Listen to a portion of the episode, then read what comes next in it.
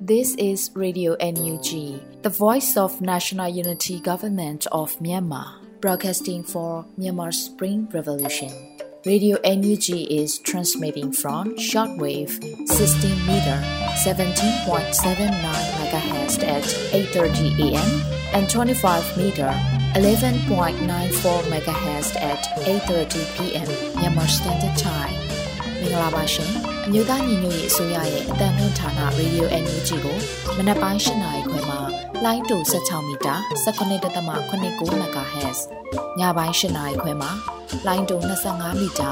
17.6 MHz တို့မှာဓာတ်ရိုက်ဖမ်းယူနိုင်စေနိုင်ပါရှင်။မင်္ဂလာအပေါင်းနဲ့ပြည့်စုံကြပါစေ။အခုချိန်ကစပြီး Radio NUG အစီအစဉ်လေးကိုဓာတ်ရိုက်အတန်လွှင့်ပေးနေပါပြီရှင်။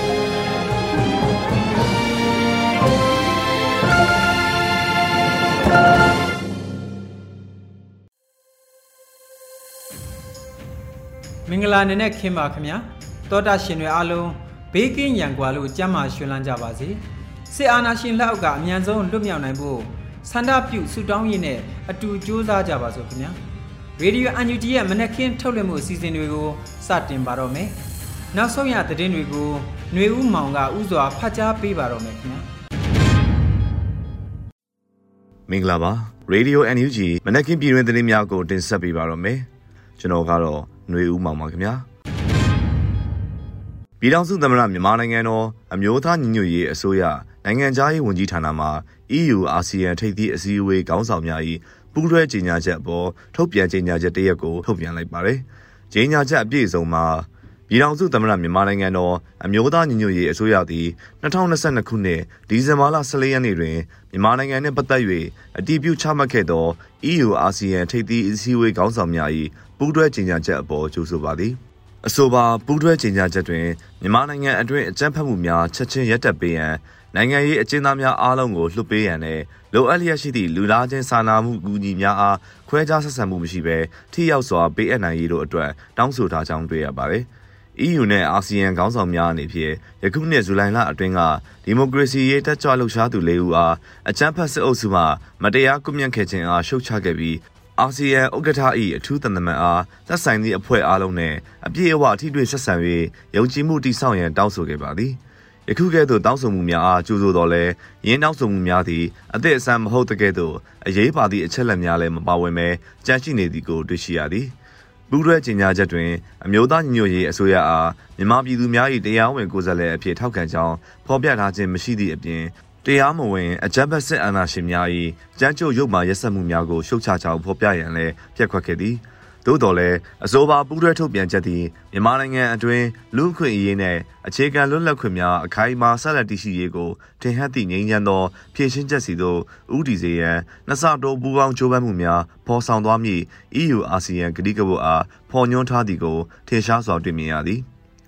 လူ့အခွင့်အရေးနဲ့အခြေခံလွတ်လပ်ခွင့်များအတွက်ဂတိကဝတ်ပြုထားသည့် EU အာဆီယံဂတိကဝတ်ပြုမှုသည်2020ပြည့်နှစ်အထွေထွေရွေးကောက်ပွဲရလဒ်ကိုသာအတည်ပြုလက်ကင်ထား၍အကြမ်းဖက်စစ်အုပ်စု၏အတူအယောင်ရွေးကောက်ပွဲကျင်းပရန်ကြိုးပမ်းမှုအားလုံးကိုတားဆီးပိတ်ပင်ခြင်းဖြင့်မြန်မာပြည်သူများ၏ဒီမိုကရေစီဆန္ဒအားလေးစားမှုကိုပြသရမည်ဖြစ်သည်။ Federal Democracy ဗရိညင်စာလမ်းကိုထောက်ခံရမည်ဖြစ်ပြီးအကြမ်းဖက်စစ်အုပ်စု၏ဥပဒေမဲ့အရေးပေါ်အခြေအနေကြီးညာခြင်းတို့အားပယ်ချရမည်ဖြစ်သည်လေရင်စီရောင်းချနေသူများအပေါ်ဒဏ်ခတ်ပိတ်ဆို့မှုများချမှတ်ခြင်းအပါအဝင်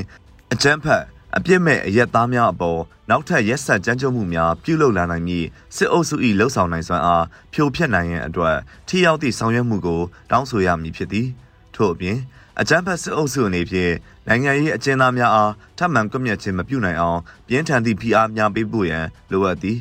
ဒေသအတွင်းငြိမ်းချမ်းရေးနှင့်လုံခြုံရေးကိုမတိမငြိမ်ဖြစ်စေလျက်ရှိသည့်အကြမ်းဖက်စစ်အုပ်စုကြောင့်ဖြစ်ပေါ်နေသောဗတ်ပေါင်းဆောင်အကြက်အတဲများအားကူညီဖြည့်ရှင်းပေးရန် EU နှင့်အာဆီယံတို့မှဆောင်ရွက်မိနှစ်ဆတိုးကြိုးပမ်းအားထုတ်မှုများအားအမျိုးသားညီညွတ်ရေးအစိုးရအနေဖြင့်အတူတကွပူးပေါင်းဆောင်ရွက်ရန်အသင့်ရှိနေပါသည်။ ညီကုန်းချုပ်အနေဖြင့်အမျိုးသားညီညွတ်ရေးအစိုးရသည် EU ကဲ့သို့သောပြင်ပမိဖက်များထံမှပံ့ပိုးကူညီမှုကိုထပ်လောင်းတောင်းဆိုသည့်အာဆီယံ၏တောင်းဆိုချက်အားအတိအမှတ်ပြုပါသည်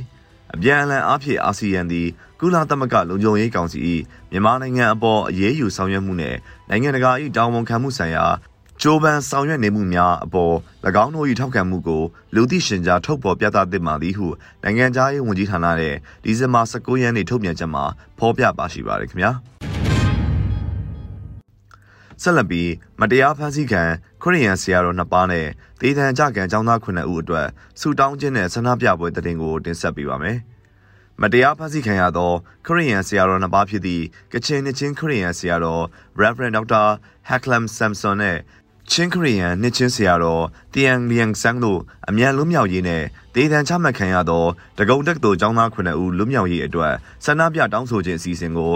အမေရိကန်နိုင်ငံဝါရှင်တန် DC မြို့လယ်ရှိ Calvary Burmese Church တွင်ကျင်းပခဲ့ကြပါတယ်။ဆန္ဒပြခြင်းနဲ့ဆုတောင်းပွဲတွင် American Baptist Church USA မှခရစ်ယာန်ဆရာတော်ကြီးများနယူးယောက်နဲ့ Maryland မှဗုဒ္ဓဘာသာဘုန်းတော်ကြီးများ တိုင်းရင်းသားခရစ်ယာန်ဆရာတော်ကြီးများတက်ရောက်ခဲ့ကြပြီးမြန်မာပြည်အတွက်မြစ်တာပို့အားပေးစကားပြောကြားခြင်းမတရားဖန်ဆီးခြင်းခံရသောပြည်သူများအတွက်ဆုတောင်းပေးခြင်းများပြုလုပ်ခဲ့ကြပါတယ်။ထို့နောက်မြန်မာစစ်တမ်းရုံးရှိသို့ဆက်လက်ချီတက်ခဲ့ပြီးလူလူဆန္ဒပြပွဲကိုဆင်နွှဲခဲ့ကြပါတယ်။ခရိယန်ဘုန်းတော်ကြီးများဗုဒ္ဓဘာသာဘုန်းတော်ကြီးများကမြန်မာပြည်သူများအတွက်ဆုတောင်းမေတ္တာပို့သကြကတိုင်းရင်းသားခေါင်းဆောင်များနဲ့တက်ကြွလှုပ်ရှားသူများမှမိကုံးများအသီးသီးပြောကြပါတယ်။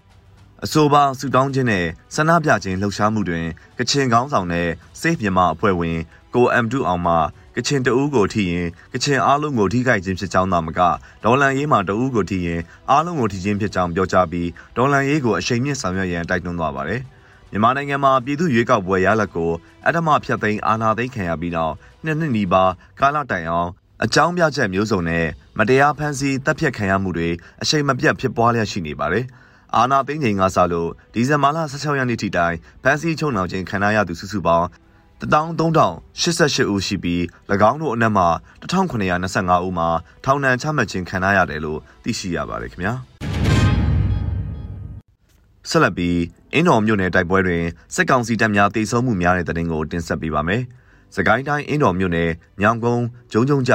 ပိန်းအင်းရွာအနီးတွင်ဒီဇင်ဘာလ16ရက်နေ့မှ18ရက်နေ့အထိတိုက်ပွဲအတွင်းအကြမ်းဖက်စစ်သား40နီးပါးတိုက်ဆုံခဲ့ကြောင်း Inno Revolution IR ကပြောကြားခဲ့ပါတယ်။စစ်ကောင်စီတပ်များဟာအင်းတော်ဒေသကိုအင်အား80ခန်းနဲ့စစ်ကြောင်းထိုးလာခဲ့ပြီးအဆိုပါမကွေးအခြေဆိုင်တပ်မ88လက်အောက်ခံခမာရ300တက်မှစစ်ကြောင်းအား KIA PDF အင်းတော် PDF တို့ကပူးပေါင်းပြီးပြန်လည်ခုခံတိုက်ခိုက်ခဲ့ကြပါတယ်။ တိုက်ပွဲမှာအကြမ်းဖက်စစ်သား40နီးပါးထိခိုက်ဒေဆုံးမှုရှိကြောင်းအထိနာသွားသောစစ်ကြောင်းကိုထိချိုက်မြို့နယ်ဘက်တွင်လှည့်ပတ်မီးရှို့နေသောအကြမ်းဖက်စစ်သားအင်အား200နီးပါးခန့်ကိုထပ်မံပူးပေါင်းထားကြောင်း Indoor Revolution IR မှတာဝန်ရှိသူတို့ကဖော်ပြပါတယ်။အင်အားက80လောက်ပဲပါတာ၃ရက်စက်တိုက်တိုက်ပွဲဖြစ်တော့အခုအင်အား30လောက်ပဲရှိတော့လို့နောက်ထပ်အင်အား200နီးပါးလောက်ထပ်ဖြည့်ထားတယ်။ ယခုကောင်တွေကထိချိုက်မှာမီးပတ်ရှို့နေတဲ့ကောင်တွေမှန်ဘလူးနဲ့ကြည်တာတော့အလောင်းတွေရောဒဏ်ရာရတဲ့ဟာတွေရောထမ်းတယ်သွားတာမြင်ရတယ်။ထိချိုက်ဘက်လည်းတည်သွားကြတယ်။တေဆုံးသွားတဲ့စစ်ခွေးတွေကိုနေအိမ်တွေနဲ့ရောပြီးမီးရှို့သွားတယ်လို့ကြားတယ်လို့ကိုယ်တိုင်ပါဝင်တက်ခိုင်နေတဲ့ Indoor Revolution IR မှတာဝန်ရှိသူတို့ကပြောဆိုပါတယ်။စစ်ကောင်စီတပ်ကမီးရှို့ဖျက်ဆီးမှုကြောင့်ဂျုံဂျုံကြရွာတင်မှာနေအိမ်6လုံးနဲ့စားတောက်ဆိုင်2ဆိုင်ဂျုံဂျုံကြရွာမှာနေအိမ်17လုံးမအူကုန်းရွာမှာနေအိမ်အလုံး20နဲ့ ပန်းအင်းရွာမှာနေအိမ်တစ်လုံးမီးရှို့ခံရပြီးကျေးရွာ12ရွာမှာပြည်သူ9000ကျော်စစ်ပေးချောင်နေရကြောင်းသိရပါတယ်။တိုက်ပွဲများအတွင်အကြမ်းဖက်စစ်ကောင်စီတပ်သားတအုပ်ကိုအရှင်ဖမ်းမိကပြည်သူ့ကာကွယ်ရေးရဲဘော်တအုပ်ရင်ဘတ်ကြီးထိမှန်တန်းရာရရှိခဲ့ပြီးစိတ်ကူးသားမှုခံယူနေရကြောင်းသိရပါတယ်ခင်ဗျာဆက်လက်ပြီးခီးသွွားသင်္ဘောပေါ်မှာပြည်သူကိုပြစ်မှတ်ထားတိုက်ခိုက်မှုမျိုးကိုစင်းအောင်မစင်စားဝင်ဦးဒလ PDF ကပြောဆိုလိုက်တဲ့သတင်းပဲဖြစ်ပါတယ်။ ရန်ကုန်မြို့ပန်းဆိုးလမ်းမှာဒလမြို့သို့ကူးနေသည့်ချယ်ရီတင်မောပေါ်ပြည်သူကိုပြစ်မှတ်ထားတိုက်ခိုက်မှုမျိုးကိုမိမိတို့ဒေါ်လာရေးတပ်ဖွဲ့များအနေနဲ့စင်းအောင်မစင်စားဝန်တော်လုပ်ရဖြစ်ကြောင်းဒလ PDF တာဝန်ရှိသူတို့ကပြောကြားလိုက်ပါတယ်။ဒီဇင်ဘာ18ရက်နေ့ည9:00နာရီခန့်ကချယ်ရီကတော့တင်မောပေါ်ပောက်ကွဲမှုဖြစ်ပွားခဲ့ပြီးတင်မောစီပြည်သူ18ဦးထိခိုက်ဒဏ်ရာရရှိခဲ့ကြတယ်လို့ဆိုပါတယ်။ ရင်းဘုံဖောက်ခွဲမှုလှုပ်ဆောင်ခဲ့သည့်ပုံကိုများနဲ့အဖွဲ့အစည်းများအားပြင်းထန်စွာရှုတ်ချကြောင်းလည်းဒလမြို့နယ်ပြည်သူ့ကာကွယ်ရေးတပ် PDF နဲ့မဟာမိတ်အင်အားစုများကပူးရဲထုတ်ပြန်ထားပါတယ်။ ယခုကပြည်သူကိုရည်ရွယ်ချက်ရှိရှိနဲ့လူပေါင်းများစွာရှိနေတဲ့အထက်ကိုမှရွေးချယ်ရုပ်မာတာဒါမျိုးကစစ်ကောင်စီနဲ့ပြူတွေပဲလုတ်တက်တဲ့ရုပ်မာမှုမျိုးပဲပြည်သူကိုဥထိတ်ထားပြီးပြည်သူနဲ့လက်တွဲလုပ်နေတဲ့ဒေါ်လန်ရေးမှာပြည်သူထိခိုက်တဲ့လုပ်ရမျိုးဘယ်ဒေါ်လန်ရေးအဖွဲ့ကမှမလုပ်ဘူးကျွန်တော်တို့နဲ့မဟာမိတ်အဖွဲ့တွေလည်းမလုပ်ဘူးဆိုတာပြည်သူတွေသိစေချင်ပါတယ်လို့၎င်းကပြောပါတယ်ဆက်လက်ပြီးပြောကြရမှာ ကျွန်တော်တို့အနေနဲ့မစ်ရှင်တစ်ခုလုပ်မယ်ဆိုရင်အများကြီးချိန်ဆပြီးမှလုပ်လို့ရှိကြောင်းစစ်ကောင်စီနဲ့ဒလန်တွေကိုတိုက်ခိုက်တဲ့အခါမှာလည်းပြည်သူအသွားအလာနေတဲ့နေရာနဲ့အချိန်မျိုးကိုရွေးချယ်ပြီးမှဆောင်ရွက်တာဖြစ်ကြောင်းပြောကြားသွားပါတယ်။ ပြီးခဲ့တဲ့နှစ်လကျော်ကမစ်ရှင်များကိုကြည်ပါကလည်းပြည်သူကိုလုံးဝမထိခိုက်ပဲစစ်အုပ်စုပြစ်မှတ်ကိုသာတိုက်ခိုက်ခဲ့ခြင်းတွေ့မြင်ရမည်ဖြစ်ကြောင်းအချို့နေရာတွေဆိုရင်ရုတ်တရက်လူသွားလူလာများလာလို့ပစ္စည်းအဆုံးရှုံးခံပြီးမစ်ရှင်မလုပ်လိုက်ရတာတွေရှိခဲ့ကြောင်းယခုဖြစ်စဉ်ကတော့ရှင်းပါတယ်ကျွန်တော်တို့အနေနဲ့စင်းအောင်မစင်စားဝန်နဲ့လုပ်ရမျိုးပါရည်ရွယ်ချက်ကွာပါတယ်ကျွန်တော်တို့ကစီးမြင်စည်းကမ်းတွေအတိုင်းစစ်ရေးပြစ်မှတ်ကိုပဲတိုက်ခိုက်တာပါလို့အဆိုပါပောက်ကွဲမှုနဲ့မိမိတို့ PDF မပတ်သက်ကြောင်းကိုတာဝန်ရှိသူကဖြေကြားသွားပါတယ်။ ຫນွေဦးဒေါ်လန်ရေးကာလနှစ်နှစ်ပြည့်ကန်ဒီအချိန်မှာတော့စစ်ကောင်စီနဲ့ဒလန်များပူးပေါင်းကဒေါ်လန်ရေးအင်အားစုအယောင်ဆောင်၍ပြည်သူများကိုဖုံးပစ်ချင်းချောက်ခြင်းကာယကံမြောက်ငွေညစ်ခြင်းပြည်သူများထိခိုက်နိုင်သည့်နေရာများတွင် PDF အပေါ်ပြည်သူထောက်ခံမှုရောကြစေရန်ဖောက်ခွဲဖျက်ဆီးမှုများကိုခက်စိတ်စိတ်ပြုလုပ်လာသည်ကိုတွေ့လာရတယ်လို့ဒလ PDF တာဝန်ရှိသူကဖြေရှင်းပြောဆိုသွားခဲ့ပါတယ်ခင်ဗျာဆက်လက်ပြီးဘန်ကောက်မြို့ရှိမြန်မာတန်ရုံးရှိတွင်ဆန္ဒပြခဲ့ကြတဲ့တဲ့ရင်ကိုတင်ဆက်ပေးပါမယ်။ ဒီဇင်ဘာလ19ရက်နေ့လယ်ပိုင်းကထိုင်းနိုင်ငံဘန်ကောက်မြို့ရှိမြန်မာတန်ရုံးရှိတွင်နိုင်ငံရေးတက်ကြွလှုပ်ရှားသူများမြန်မာလူသမားများအပါအဝင်လူဦးရေ300ကျော်ခန့်ဟာထိုင်းစံတော်ချိန်နေ့လယ်2နာရီချိန်တွင်စတင်ဆန္ဒပြမှုဖြစ်ပွားခဲ့ပါတယ်။အဆိုပါဆန္ဒပြပွဲကိုတောက်ပသောအနာဂတ်အဖွဲ့မှဦးဆောင်ပြုလုပ်ပြီးအလုံသမားများတန်းတူခွင့်ရေးရရှိရေးဒေါ်လာရေးတင်သွေးမအေးရေးစစ်အာဏာရှင်ကြာရှုံးရေးဒီမိုကရေစီအမြန်ဆုံးရရှိရေးစသည့်ရည်ရွယ်ချက်များကြွေးကြော်သံများနဲ့အတူ ကိုမင်းကိုနိုင်မှပေးပို့သောအတန်းဖိုင်ကိုဖွင့်ပြခဲ့ခြင်းသို့လှုံ့ဆော်ခဲ့ကြတာတွေ့ရပါတယ်။ဆန္ဒပြမြန်မာနိုင်ငံသားများကဖမ်းဆီးထားသောနိုင်ငံခေါင်းဆောင်များပြန်လွှတ်ပေးရေးနဲ့စစ်အာဏာရှင်ကိုရှုံချသောကြွေးကြော်သံများကိုတံပြိုင်ဟစ်ကြွေးခဲ့ကြကတပြိုင်တည်းမှာလောက်ခလာစာနဲ့လုံအားကောင်းပုံဖြတ်မှုကြုံနေရတာကိုရွှေပြောင်းလုပ်သားတွေကဆန္ဒဖော်ထုတ်ကြတာဖြစ်ပါတယ်။ ဆက်လက်ပြီးစစ်အာဏာသိမ်းမှုနောက်ပိုင်းပြည်ပရောက်ရွှေပြောင်းလုပ်သားတွေရဲ့အခြေအနေဟာကူရမဲ့ဖြစ်နေလို့ယခုလိုဆန္ဒထုတ်ဖော်ရတာလို့ဆန္ဒပြပွဲဥဆောင်သူတွေကပြောပါတယ်။ဒီဇင်ဘာလ18ရက်နေ့တွင်ကြာရောက်တဲ့နိုင်ငံတကာရွှေ့ပြောင်းသွားလာသူများနေ့အထိမ်းအမှတ်အနေနဲ့ဒီဇင်ဘာလ19ရက်နေ့ဆန္ဒထုတ်ဖော်ပွဲဟာအလုံသမားအရေးနဲ့အတူစစ်အာဏာရှင်ကြဆုံးရေးကိုလည်းပူးတွဲတောင်းဆိုဆန္ဒပြခဲ့ကြတာဖြစ်ပါတယ်။ အကြမ်းဖက်စစ်တပ်အာဏာသိမ်းပြီးနောက်ပိုင်းမှာပြည်ပကိုနေမျိုးစုံနဲ့လူငယ်တွေထက်ခွာနေကြပြီးဒီအထဲမှာအိန္ဒိချင်းထိုင်းနိုင်ငံကတော့တရားဝင်နည်းနဲ့အပြင်တရားမဝင်နည်းလမ်းတွေနဲ့ပါအများဆုံးတွားရောက်အလုပ်လုပ်ကိုင်နေကြတာဖြစ်ပါတယ်ခင်ဗျာ။နောက်ဆုံးသတင်းအနေနဲ့ဘီယာဆိုင်လာတဲ့ရဲကားပြစ်ခတ်ခံရလို့ဒူးရဲအုပ်အပါအဝင်၄ဦးသေဆုံးခဲ့တဲ့သတင်းကိုတင်ဆက်ပေးပါမယ်။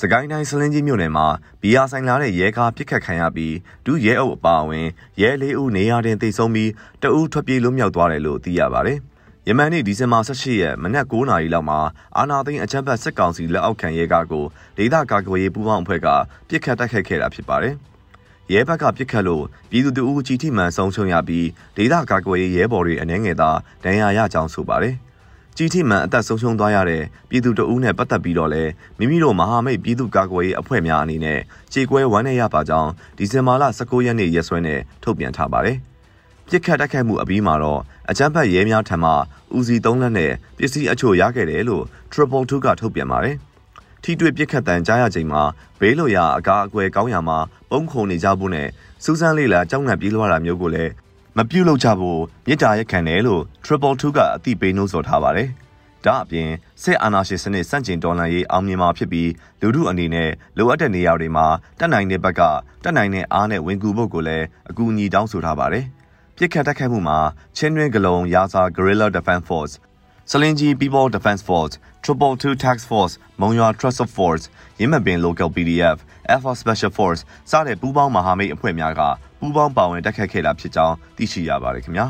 ယခုတင်ပြခဲ့တဲ့သတင်းတွေကိုဝင်ကြီးဌာနများနဲ့ခိုင်လုံသောသတင်းရင်းမြစ်တွေကိုအခြေခံပြီးရေဒီယိုသတင်းတောက်လွတ်လပ်နေဦးကပေးပို့တာဖြစ်ပါတယ်ခင်ဗျာ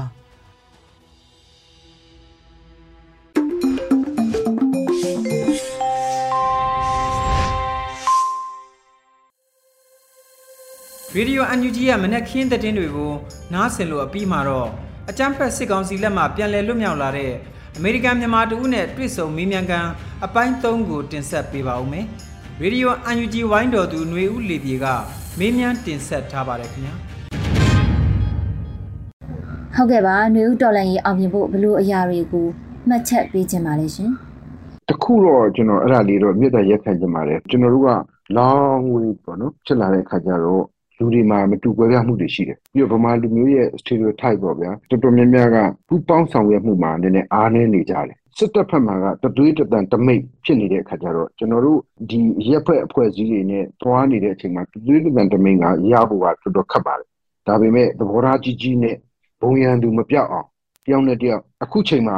လူတိုင်းကတော့တစ်ခုတည်းကိုပဲဥတီပြီးတော့ဖွဲ့စည်းပေါင်းကောင်းဆုံးကလည်းခုတည်းပဲဒီစစ်အာဏာရှင်စနစ်ကိုအရင် ဖြုတ်စစ်အာဏာရှင်ကိုအရင်တိုက်အဲ့လိုစိတ်တစ်ခုတည်းကိုပဲထားပြီးတော့တွားရင်ဒီတက်ပို့ပြီးတော့လည်းလျှင်မြန်လာမယ်ချိန်တူတူတွင်းမှာလည်းကျွန်တော်တို့ကအောင်မြင်မှုကိုရမယ်အဲ့တခုလေးတော့ကျွန်တော်မြင်ပါတယ်ဘာလို့မတူကွဲပြားမှုတွေတော့ရှိနေမှာပဲလေအမောအညီကိုချင်းတော့မတူလားတော်လိုင်းခီးမှာသူလှုပ်ချင်တဲ့ပုံစံရှိတယ်ကိုလှုပ်ချင်တဲ့ပုံစံရှိတယ်ဒါပေမဲ့ဖြစ်တဲ့နာကိုပဲဦးစားပေးပြီးတော့ဘုံရန်သူမပြောက်အောင်ဦးအကုန်လုံးစီစီလုံးလုံးညီညွတ်ဒီတဲ့ခုလက်စီလုံးပါတယ်ဟိုဒါပေမဲ့ဒီတက်ပို့ပြီးစီလုံးမှုလည်းလိုတယ် ဒီတက်ပို့ပြီးတော့လေ one command one order ဖြစ်ဖို့လိုတာပေါ့အဲ့ဒါဆိုရင်ကျွန်တော်တို့ကအလွန်အမြန်ကိုတိုးတက်သွားမယ်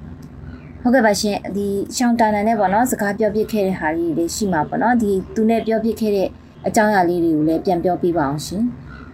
ရှောင်းကစူပါရေးပညာရှင်ကြီးကျွန်တော်သူနဲ့နေရတော့လေတွေ့ကြုံအများကြီးရတယ်အဲ့တော့သူပြောတယ်ဗမာပြည်စစ်တပ်မှာတဲ့တကယ်ကိုဟုတ်လားယောက်ျားကောင်းတွေမရှိတော့ဘူးလားတဲ့ စစ်တပ်ဆိုတာတော့လက်ခံနေတဲ့တသွေးတန်သမီးသူလှုပ်ရမယ်ဆိုတာမိပေးရင်လှုပ်ရတယ်ဆိုတာမှန်နေတဲ့ဒါပေမဲ့မှားတာမှန်တာကိုတော့ပြန်ပြောရဲတဲ့အမှန်တရားကိုရက်တည်မဲ့လူတယောက်မှမရှိတော့ဘူးလားတဲ့ဗိုလ်ချုပ်ကြီးတွေထဲမှာမင်းဘယ်လိုမြင်လဲတဲ့သူအဲ့လိုကျွန်တော်မေးတယ်ဟာဒါမင်းမေးတယ်မိကိုသိကောင်းတာပေါ့လို့တယောက်မှမရှိဘူးလို့ဘယ်အချိန်ထိပဲရှိခဲ့လဲဆိုရင်လို့ before 62 တမှုဟောင်းများဆိုပြီးတော့ NLD အတွက်ထက်ထက်ရက်လာတဲ့သူတွေပဲရှိတော့တယ်နောက်ပိုင်းလုံးဝမရှိတော့ဘူးအခုလူငယ်တွေမှာလည်းဘာမှမရှိတော့ဘူးအကျိုးစီးပွားအတွက်ပဲဥတည်တော့တယ်တစ်ချက်ပြီးသွားနောက်နံပါတ်1 သူကစီးပွားရေးပညာရှင်ဆိုတဲ့အခါကျတော့ FedEx နဲ့ပတ်သက်ပြီးတော့ပြောသွားတာအခုတဲ့ဒီ3လမှာတော့မသိတာဘူးတဲ့ကျွန်တော်ကဒီ FedEx ကိုမသိဘူးလေ FATS ကိုအဲ့တော့သူ့ကိုမေးကြည့်ရတယ်မေးကြည့်တော့မှသူပြောတဲ့ဥစ္စာကဘယ်လောက်ထိ powerful ဖြစ်လဲဆိုရင်တဲ့သူတို့ကသူတို့ဒီအဖွဲ့ဝင်မဟုတ်တာတွေဟုတ်တာတွေနောက်ထားတယ်သူတို့ရဲ့ transition တွေကိုနောက်ပြီးတော့ amount တစ်ခုသူပြောတယ်အဲ့ဒါကိုကျွန်တော်သိချင်မှသိရအောင်အဲ့ဒီ amount အသေးကအစဒီ transition ကိုလိုက်စစ်လာရင်တရုတ်ကလည်းသူနဲ့လုတ်တော့မှာမဟုတ်ဘူးတဲ့အိန္ဒိယကလည်းလုတ်တော့မှာမဟုတ်ဘူးတဲ့ ဥရောပဆိုတာတော့ပြောမနေနဲ့တော့တဲ့အဲ့တော့ဒီ3လပြီးနောက်3လဥမာ boring ကမူလီတစ်ချောင်းတောင်ွယ်ဖို့ခတ်သွားလိမ့်မယ်တဲ့နော်အခုစမနဲ့ဒီပါရီရုရှားကရောင်းမယ်ဘာညာဆိုတာလေကြိုက်တော့ပြောနေပြီသေးတယ်ခုနကပေါ့နော်ဥကျော်သေးဦးပြောတဲ့အထက်မှာ FTX ဆိုတာကဒီအကြမ်းဖက်အားပေးတဲ့နိုင်ငံတွေရဲ့ငွေကြေးစည်းစိမ်မှုကိုကန့်သတ်တဲ့စည်ရင်းမှာပါနေတယ်လို့ဆိုလိုတာပေါ့နော်ဟုတ်ကဲ့ပါဟုတ်ကဲ့အဲ့လိုမျိုးလာမှာတဲ့အဲ့ action ကဟိုဘလောက်ကောင်းလဲဆိုရင်တဲ့ခုလာသမကဟိုဟာမှာ sanction တွေကိုဟုတ်လားအများကြီးစောင့်နေစရာတော့မလိုတော့ဘူးတဲ့တကယ်ကို powerful ဖြစ်တဲ့ action တစ်ခုပဲတဲ့ဆိုသူကတော့ဒါတကယ်ကို bravo ပေါ့ဒါပေမဲ့ဒီတခုတော့သူစိတ်မကောင်းဘူးတဲ့ဗမာပြည်သူတွေထိခိုက်နိုင်တယ်တဲ့ချက်ချင်းဓာတ်ယူပုံဖွက်ဆိုပြီးတော့လေဒီဆိုတာပြန်ပြီးတော့တက်လာရင်တော့မှပေါ့ဒါကိုချက်ချင်းပြန်ဖြီးဖို့ခက်တယ်တဲ့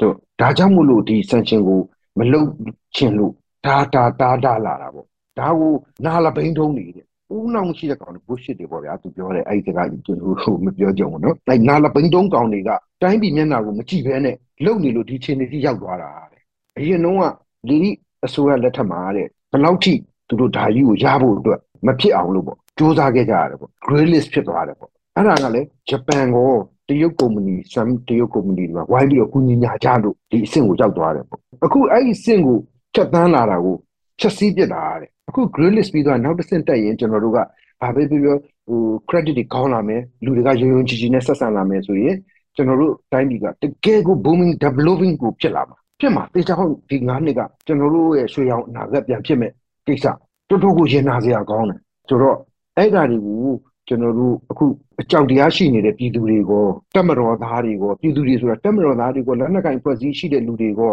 ညွှန်ချုပ် level တွေတက်မှာဆိုလို့ရှိရင်ဒုတိယပုံမှုကြီး level တွေအဆင့်အထိကတကယ်ကိုပြည်သူမျက်နှာမူပြီးတော့သူတို့သားသမီးတွေရဲ့ generation တွေကကြည့်ပြီးတော့ညမွေးတဆုံးလေးမလုပ်ဘဲနဲ့နည်းနည်းလေးရှေ့ကိုတိုးကြည့်လိုက်ပါလို့ကြည့်ပြီးတော့တိုင်းပြည်မျက်နှာအတွက်အကုန်လုံးပူပေါင်းလိုက်ရင်စစ်အာဏာရှင်များများမဟုတ်ဘူးလက်ဆယ်ချောင်းလောက်ပဲ နော်သူတို့ပြောင်းသွားတာနဲ့ဒီတက်ကြီးကိုအကုန်လုံးကျွန်တော် standard army ပြန်လုပ်လို့ရပါတယ်တကယ်ကိုတိုင်းပြည်အတွက် develop ဖြစ်အောင်အကုန်လုံးဝိုင်းပြီးတော့တွန်းကြရအောင်လို့ဒီတစ်ချက်ကလေးကိုတော့ကျွန်တော်မြစ်တာရက်ခံနေပါတယ်ဟိုလူတွေလည်းထပ်မတတ်ပါနဲ့တော့တတ်လည်းမတတ်ပါနဲ့တော့ဘယ်သူမှလည်းထပ်မဖမ်းပါနဲ့တော့၄ရက်နေ့မှလွတ်မယ်ဆိုရင်အကုန်လုံးလွတ်လိုက်ပါတော့85နှစ်ပြည့်မှာကွက်ပြီးလွတ်တာမျိုးလည်းမလုပ်စေချင်တော့ပါဘူးဟုတ်လားအဲ့တော့အကုန်လုံးကို amnesty ပေးလိုက်ပါထောင်တွေခါပလိုက်ပါထောင်တွေမှာပြည့်ချက်နေပြီကျွန်တော်တို့ရမဲသိန်းထောင်ဆိုရင်ဘယ်လောက်ဆိုလဲ လူ350လောက်ထားတဲ့နေရာကို1200ကျော်ထားတယ်အဲ့တော့လူတွေကတကယ်ကိုချက်ပိတ်သိမ့်နေပြီအင်းစိန်ထောင်ဆိုလဲတောင်းနဲ့ချီနေပြီနေပြီးတော့မန်လေးအိုးတနေ့တနေ့ဝင်တဲ့လူက48ယောက်ရှိရင်ထွက်တဲ့လူကတယောက်တောင်မရှိဘူးတစ်ပတ်တစ်ပတ်မှာလူ100ကျော်ဝင်လာတဲ့ဒါရမဲသိန်းမှာပြန်လွတ်တဲ့လူက6ယောက်9ယောက်တည်းမပို့ဘူးအများဆုံးရှိ15ယောက်ပဲအဲတစ်ပတ်လုံးမှာအဲ့လောက်လောက်တယ်အခုလဲနိုင်ငံတကာပြရုပ်ကောင်းအောင်ဟိုဟိုလူလေးတွေလွတ်ပြဒီလူလေးလွတ်ပြမလုပ်ပါနဲ့ အကုန်လုံး MSC ပေးလိုက်ပါမြစ်တာလည်းရက်ခတ်ပါလေကျိုးစင်မတက်ခင်ရရင်ပေါ့ဗျာကျိုးစင်မတက်ချင်လည်းပြည်သူကိုမျက်နှာမူပြီးဝင်ချတောင်းပန်လိုက်ဘာမှပြည်သူကတော်တော်ကိုခွင့်လွတ်တတ်ပါလေအဲ့ဒါလေးတော့ကျွန်တော်ပြောချင်ပါတယ်ဟုတ်ကဲ့ပါဦးကျော်သေးဦးအနေနဲ့ပေါ့နော်နောက်ထပ်ဖြည့်ဆွက်ပြီးတော့ပြောချင်တာဗာများရှိပါသေးလိမ့်ရှင်ကျွန်တော်တို့ဒီဘက်လူဦးတော်လှန်ရေးကလူတွေကတသွေးတက်တန်တမိန်လေးနဲ့ညညညညွတ်နဲ့မကြိုက်တာတွေဘေးဖယ်ထားပြီးတော့ကြိုက်တဲ့ဥစ္စာလေးတွေအတူပူးတွဲပြီးတော့အခုအရင်ဆုံးဘုံရန်သူမပြောက်အောင်လေးလှုပ်လိုက်ရင်တော့ကျွန်တော်တို့တော်လှန်ရေးကရက်ပိုင်းလပိုင်းတွင်းကိုအောင်မြင်သွားမှာပါ။ဟု တ်အဲ့ဒါလေးတော့ကျွန်တော်ပြောချင်ပါတယ်ကျေးဇူးပါ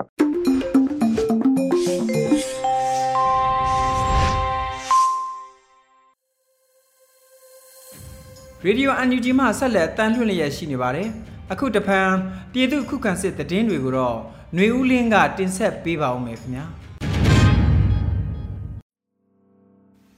ပထမဦးစွာအင်းတော်တွင်စစ်တပ်နဲ့ KIA PDF ပူးပေါင်းတပ်ဖွဲ့တို့တိုက်ပွဲဖြစ်ပွားတဲ့တဲ့ရင်ကိုတင်ဆက်ပါမယ်။ စကိုင်းတိုင်းအင်းတော်မြို့နယ်ညောင်ကုန်းဂျုံဂျုံကြပိန်းအင်းကြီးရွာနီးတွင်ဒီဇင်ဘာလ16ရက်နေ့မှ18ရက်နေ့ထိတိုက်ပွဲအတွင်းအကြမ်းဖက်စစ်သားတွေအထိနာခဲ့တယ်လို့ PDF အင်းတော်ကဆိုပါတယ်စစ်အင်အား80ခန်းဖြင့်စစ်ကြောင်းထိုးလာသောမကွေးခြေဆိုင်တပ်မ88လောက်ခန့်ခမရ301မှစစ်ကြောင်းကို KIA PDF အင်းတော် PDF တို့ကပူးပေါင်းတိုက်ခိုက်ခဲ့ရာအကြမ်းဖက်စစ်သား40နီးပါးထိခိုက်မှုရှိကြောင်း တိုက်ပွဲတွင်အကြမ်းဖက်စစ်ကောင်စီတပ်သားတအုပ်ကိုအရှင်ဖမ်းမိထားကြောင်းပြည်သူ့ကာကွယ်ရေးရဲဘော်တအုပ်ရင်ဘတ်ကြီးထိမှန်ဒဏ်ရာရရှိခဲ့ပြီးစေကူတမှုခံယူနေကြောင်းထုတ်ပြန်ထားပါတယ်။ကဘာဖလားဘောလူပွဲအထိတ်မှတ်မြောင်မြို့ပေါ်ရှိစစ်တပ်တပ်ဆွဲထားသောနေရာ၄ခုကိုတပြိုင်တည်းပြစ်ခတ်တိုက်ခိုက်တဲ့တဲ့ရင်ကိုတင်ဆက်ပါမယ်။စကိုင်းတိုင်းမြောင်မြို့နယ်ရှိစစ်ကောင်စီတပ်သားများစုဝေးရာနေရာ၄ခုကိုတပြိုင်တည်းတိုက်ခိုက်ခဲ့ကြောင်းစစ်တိုင်းခရိုင်တရင်ငါ MIA တပ်ဖွဲ့ကဆိုပါတယ်။ဒီဇင်ဘာလ18ရက်နေ့ည9:30မိနစ်ခန့်တွင်မြောင်မြို့ပေါ်ရှိစစ်ကောင်စီတပ်သားများစုဝေးရာရဲစခန်းထွေအုပ်ရုံးဝန်ထမ်းအိမ်ယာနှင့်စစ်ကောင်စီတပ်သားများကင်းဖုံးဝင်နေသည့်နေရာ၄ခုကိုကာကွယ်ရေးတပ်ဖွဲ့များကလက်နက်ကြီးလက်နက်ငယ်များဖြင့်ဝင်ရောက်ပစ်ခတ်တိုက်ခတ်ခဲ့ခြင်းမှာဆက်လက်ပြီးမော်ဘီလေတပ်စခန်းကိုရှော့တိုက်ဒုံ၃လုံးဖြင့်ပစ်ခတ်တိုက်ခိုက်တဲ့တဲ့ရင်ကိုဆက်လက်တင်ဆက်ပါမယ်။ရန်ကုန်တိုင်း မော်ဘီလေတပ်စခန်းကိုဒီဇင်ဘာလ18ရက်နေ့တွင်ရှော့တိုက်ဒုံ၃လုံးဖြင့်ပစ်ခတ်တိုက်ခိုက်ခဲ့ကြောင်း People Defense Force မော်ဘီထမှသိရပါတယ်။ရှော့တိုက်ဒုံနှလုံးမှာလေတက်နိုင်ရန်ကိုထိမှန်ခဲ့ပြီးကြံတလုံးမှာအဓိကနေရာကိုထိမှန်သွားကြောင်းထိခိုက်မှုများကိုအတိအကျမသိရသေးကြောင်းဒေသခံ UG တွေကထုတ်ပြန်ပါတယ်။ရန်ကုန်တိုင်းအတွင်းဒီဇင်ဘာလ15ရက်နေ့မှဒီဇင်ဘာ18ရက်နေ့ထိအကြမ်းဖက်စစ်တပ်၏တပ်နေရာများကို 3ရက်ဆက်တိုက်ရှော့တိုက်ဒုံးဖြင့်ပစ်ခတ်တိုက်ခတ်မှုဖြစ်ပွားခဲ့တာပါ။နောက်ဆုံးအနေနဲ့မရယာတွင်စစ်ထောက်ပို့ရင်တစည်းကိုလက်နက်ခဲယမ်းများဖြင့်ဖမ်းမိတဲ့တဲ့ရင်ကိုဆက်လက်တင်ဆက်မှာပါ။မန္တလေးတိုင်းမရယာမြို့နယ်တွင်ဒီဇင်ဘာလ16ရက်နေ့နေ့လယ်ပိုင်းစစ်ကောင်စီတပ်ထောက်ပို့ရင်တစည်းကိုလက်နက်ခဲယမ်းများဖမ်းမိခဲ့ကြောင်းပြည်သူ့ကာကွယ်တပ်ဖွဲ့မရယာမြို့နယ်ထံမှသိရပါဗျ။ပြည်သူ့ကာကွယ်တပ်ဖွဲ့များကနေမြေရှင်းလင်းရေးလှုပ်ဆောင်နေစဉ်ရင်ငယ်တစည်းကိုစစ်ဆေးရာ ရင်ပေါ်မှရိတ်ခါများလက်နက်ခဲယမ်းများကိုတင်စီရမိခဲ့ခြင်းဖြစ်ပြီးရင်သည်စစ်တပ်လက်အောက်ခံပြည်သူ့စစ်တပ်ဖွဲ့တို့တအူးပိုင်ဆိုင်ကြောင်းသိရတာပါ။မော်တော်ယာဉ်ကိုမောင်းနေသူမှာအယက်သားပြည်သူတို့ဖြစ်နေသဖြင့်ကောင်းမွန်စွာပြန်လည်လှုပ်ပေးခဲ့ကြောင်းတင်းစီရရှိခဲ့သောလက်နက်ခဲယမ်းများမှာ9.56 G 255တောင်7.62 45စက်ကလေးကြည်စံ315တောင်9မမကြည်စံ အတောက်90 RPG နှစ်ဖူးတစ်လုံး RPG ပူရန်တစ်လုံး9မမကြီးပေါက်9ခုကင်မရာတစ်လုံးလက်ကင်ဖုန်းမျိုးစုံ၉လုံး power bank နှလုံးဓာတ်တို့ဓာတ်ရှည်၃ချောင်းတို့ကိုတင်စီရမိခဲ့ကြောင်းသိရပါတယ်ခင်ဗျာ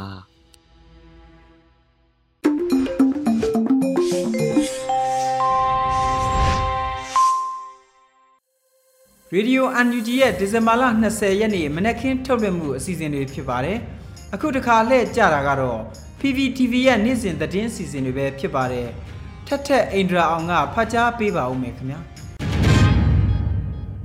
အခုချိန်ကစပြီး PPTV သတင်းတွေကိုတင်ဆက်ပေးတော့မှာပါ။ကျွန်မထက်ထက်အိန္ဒြာအောင်ပါ။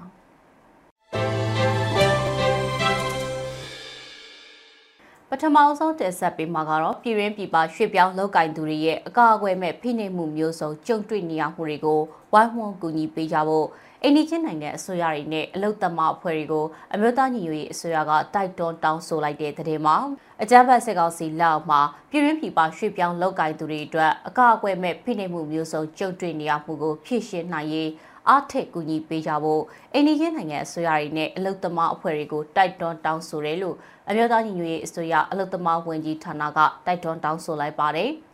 ဒီဇင်ဘာလ18ရက်နေ့မှာကြောက်တဲ့အပြည်ပြည်ဆိုင်ရာရွှေ့ပြောင်းသွားလာသူများနေ့အတွက်တဝန်လွှာပေးပို့ရမှာအခုလိုပဲထည့်သွင်းဖော်ပြခဲ့တာပါအကြမ်းဖက်စစ်ကောင်စီလက်မှာပြည်ပရွှေ့ပြောင်းလောက်ကင်သူတွေအတွက်အကာအကွယ်မရှိသလိုပဲပြည်တွင်းရွှေ့ပြောင်းလောက်ကင်နေထိုင်သူတွေမှလည်းဖိနှိပ်မှုမျိုးစုံကြုံတွေ့နေရက အခြေခံလုံသမားအခွင့်အရေးနဲ့လူအခွင့်အရေးတွေချိုးဖောက်ခံနေရပြီးကုရကဲရမဲ့နေကြောင်းအကြံဖတ်စစ်ကောင်စီရဲ့ဖိနှိပ်အကြံဖတ်မှုတွေကြောင့်ပထမဆုံးအကြိမ်ဖြင့်နိုင်ငံအတွင်းရွှေ့ပြောင်းနေထိုင်သူတသန်းကျော်ထိရှိနေပြီဖြစ်ပြီးအိန္ဒိချင်းနိုင်ငံများကိုတိတ်ရှောင်နေရသူ9000ကျော်ရှိတယ်လို့ကုလရဲ့ထုတ်ပြန်မှုအရသိရတယ်လို့လည်းဖော်ပြထားပါတယ်။ ဆက်လက်တင်ဆက်ပေးမှာကတော့မန္တလေးတိုင်းအတွင်းမှာအကြမ်းဖက်စစ်ကောင်စီထောက်ပို့ရင်ကိုပြည်သူ့ကာကွယ်ရေးတပ်ဖွဲ့တွေဖမ်းဆီးခဲ့တဲ့တဲ့တင်မှာမန္တလေးတိုင်းမရယာမြို့နယ်မှာအကြမ်းဖက်စစ်ကောင်စီရဲ့ထောက်ပို့ရင်တစည်းကိုရိတ်ခါရီခဲရအနေနဲ့အတူဖမ်းဆီးနိုင်ခဲ့တယ်လို့ပြည်သူ့ကာကွယ်ရေးတပ်ဖွဲ့မရယာမြို့နယ်ကသတင်းထုတ်ပြန်ပါတယ်။ပြီးခဲ့တဲ့ဒီဇင်ဘာလ16ရက်နေ့လယ်ပိုင်းကမရယာအရှိပိုင်းနယ်ကိုနယ်မြေရှင်းလင်းဖို့ဝင်ရောက်လာတဲ့အကြမ်းဖက်စစ်ကောင်စီတပ်ရဲ့ထောက်ပို့ရင်ကိုဖမ်းဆီးခဲ့တာပါ။တင်းစီရမိတာတွေကတော့ 9တက်သမ96ကြည်စံ255တောင်9တက်သမ6နှစ်စက်ကလေးကြည်စံ315တောင်6မမကြည်စံ90တောင် RPG 2 အဖူးတလုံး RPG ပို့ရန်တက်ခု6မမကြည်ပေါက်3ခုကင်မရာတစ်လုံးလက်ကင်ဖုန်းမျိုးစုံ9လုံး power bank နှလုံးနဲ့ဓာတ်အတူရှိ ၃ချောင်းပါရှိတယ်လို့ထုတ်ပြန်ချက်မှာဖော်ပြထားပါတယ်။မရယာပြည်သူ့ကာကွယ်ရေးတပ်ဖွဲ့ရဲ့စစ်ဆေးချက်အရဖမ်းမိတဲ့ရင်ငယ်ဟာပြည်သူတအုပ်ရဲ့ကိုပါရင်ဖြစ်နေပြီးရင်မောင်းကလည်းတာမန်အရက်သားပြည်သူဖြစ်နေတာကြောင့်ရင်နဲ့ရင်မောင်းကိုပြန်လှုပ်ပေးခဲ့တယ်လို့ထုတ်ပြန်ထားပါတယ်။နောက်ထပ်တင်ဆက်ပေးချင်တာကတော့ပလောမြို့နယ်မှာပြည်သူ့ကာကွယ်ရေးတပ်ဖွဲ့တွေကစီရီယန်ဆရာဆရာမတွေနဲ့ပူးပေါင်းပြီးစာသင်ကျောင်းတွေဖွင့်လှစ်ကအထက်တန်းအဆင့်ပညာသင်ကြားပေးနေတဲ့တဲ့တင်မှာ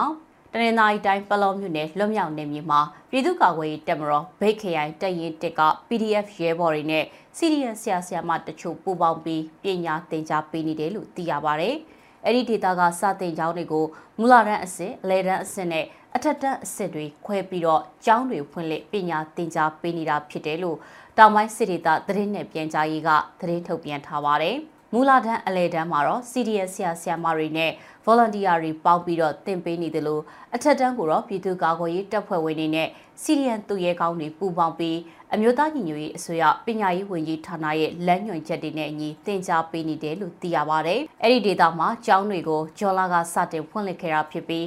မူလာတန်းအလေတန်းမှာကျောင်းသားကျောင်းသူ300ဝန်းကျင်နဲ့ အထက်တန်းမှာကျောင်းသားကျောင်းသူ14ဦးထိရှိနေတယ်လို့သိရပါဗျ။စာမေးပွဲနဲ့တင်ရိုးစနစ်တွေကတော့အမျိုးသားညီညွတ်ရေးအစိုးရကထုတ်ဝေထားတဲ့အတိုင်းဖြစ်တယ်လို့ဆိုပါတယ်။တနင်္သာရီတိုင်းပလောမြို့နယ်ဟာစစ်ရေးအရှိန်အမြင့်မားဆုံးဖြစ်ပြီးတော့ပြည်သူ့ကာကွယ်ရေးတပ်ဖွဲ့ဝင်တွေကဒေသခံပြည်သူတွေအတွက်ကျန်းမာရေးစောင့်ရှောက်မှုတွေနဲ့ပညာသင်ကြားရေးတို့ကိုလည်းတဘာတဲ့ဖော်ဆောင်ပေးနေပါတယ်။ကျေးဇူးတင်ပါတယ်ရှင်။ဒီကနေ့ကတော့ဒီညနဲ့ပဲ Radio NUG ရဲ့အစီအစဉ်လေးကိုခਿੱတရနာလိုက်ပါမယ်ရှင်။ မြန်မာစံတော်ချိန်မနက်၈နာရီခွဲနဲ့ည၈နာရီခွဲအချိန်တွေမှာပြန်လည်ဆုံတွေ့ကြပါစို့။ Radio NUG ကိုမနက်ပိုင်း၈နာရီခွဲမှာလိုင်းတူ16မီတာ19.8 MHz ညပိုင်း၈နာရီခွဲမှာလိုင်းတူ25မီတာ17.6 MHz တို့မှာဓာတ်ရိုက်ဖမ်းလို့နိုင်စေနိုင်ပါပြီ။မြန်မာနိုင်ငံသူနိုင်ငံသားတွေကိုစိတ်နှပြကျန်းမာချမ်းသာလို့ဘေးကင်းလုံခြုံကြပါစေလို့ Radio NUG အဖွဲ့သူဖွဲ့သားတွေကဆုတောင်းမြတ်တာပို့တာလာရပါတယ်ရှင်။ မြေသားညီမတွေအစိုးရရဲ့စက်သွေးရေးသတင်းအချက်အလက်တွေပညာဝန်ကြီးဌာနကထုတ်လွှင့်နေတဲ့ Radio NUG ဖြစ်ပါတယ်။ San Francisco Bay Area အခြေစိုက်မြန်မာမိသားစုတွေနဲ့နိုင်ငံတကာကစေတနာရှင်လို့အားပေးနေတဲ့ Radio NUG ဖြစ်ပါတယ်။အရေးတော်ပုံအောင်ရမည်